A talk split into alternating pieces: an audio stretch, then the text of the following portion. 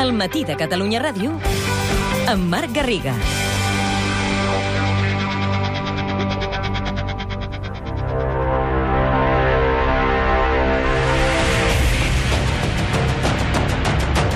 Trenta-cinc cops de fals. El botifler.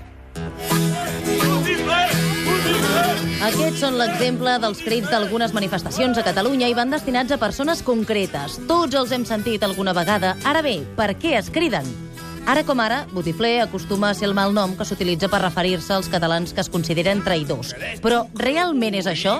D'on prové aquesta paraula? De teories de l'origen del mot botifler n'hi ha diverses, però avui sabrem el motiu històric real d'aquest mot.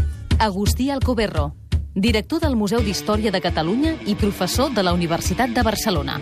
La paraula botifler ha suscitat eh, grans debats entre els filòlegs i els historiadors i fins ara no teníem massa clar d'on ve.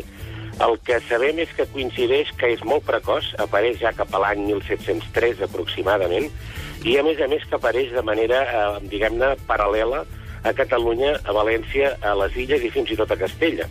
Per tant, hi ha d'haver algun element comú. Amb això ja tenim una pista. No és una paraula local d'un municipi petit que s'ha anat expandint. Ara bé, durant molts anys pren força una hipòtesi relacionada amb el caler i el poder. Històricament, en el mateix Coromines havia parlat de que la paraula botifler podria venir de botifarra i tindria el sentit de gent grassa, eh, perquè els botiflers serien els rics eh, de cada poble, la gent, en definitiva, per entendre'ns benestant. Però fa pocs anys, la recerca de l'origen d'aquesta paraula fa un gir. Recentment hem pogut llegir alguns dels dietaris i de les cròniques estrictament coetànies de la guerra i apareix una última o una darrera versió que és repetida per molts. Per exemple, per Francesc de Castellví a Catalunya o per Isidre Planes i Vicent Josep Ortí a València. Ha arribat el moment. Ens situem en el context on apareix la paraula botifler. Abans del 1705, els ciutadans volien saber què passava a la Guerra de Successió a Europa, o sigui, que les gazetes, la premsa de l'època, es venien com l'aigua. Però hi havia batalles molt ajustades que, en funció del color polític de la gazeta, guanyaven els borbònics o els austriacistes. Doncs bé, som en aquest context, el d'exageració d'algunes batalles i victòries, i hi ha un militar que agafa fama. El mariscal dels francesos, el mariscal en cap eh, de l'exèrcit borbònic, s'anomenava Buflés.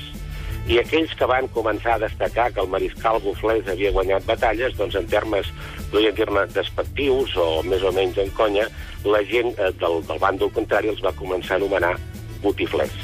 Aquest seria l'autèntic, diguem-ne, l'històric, el documentat origen etimològic de la paraula.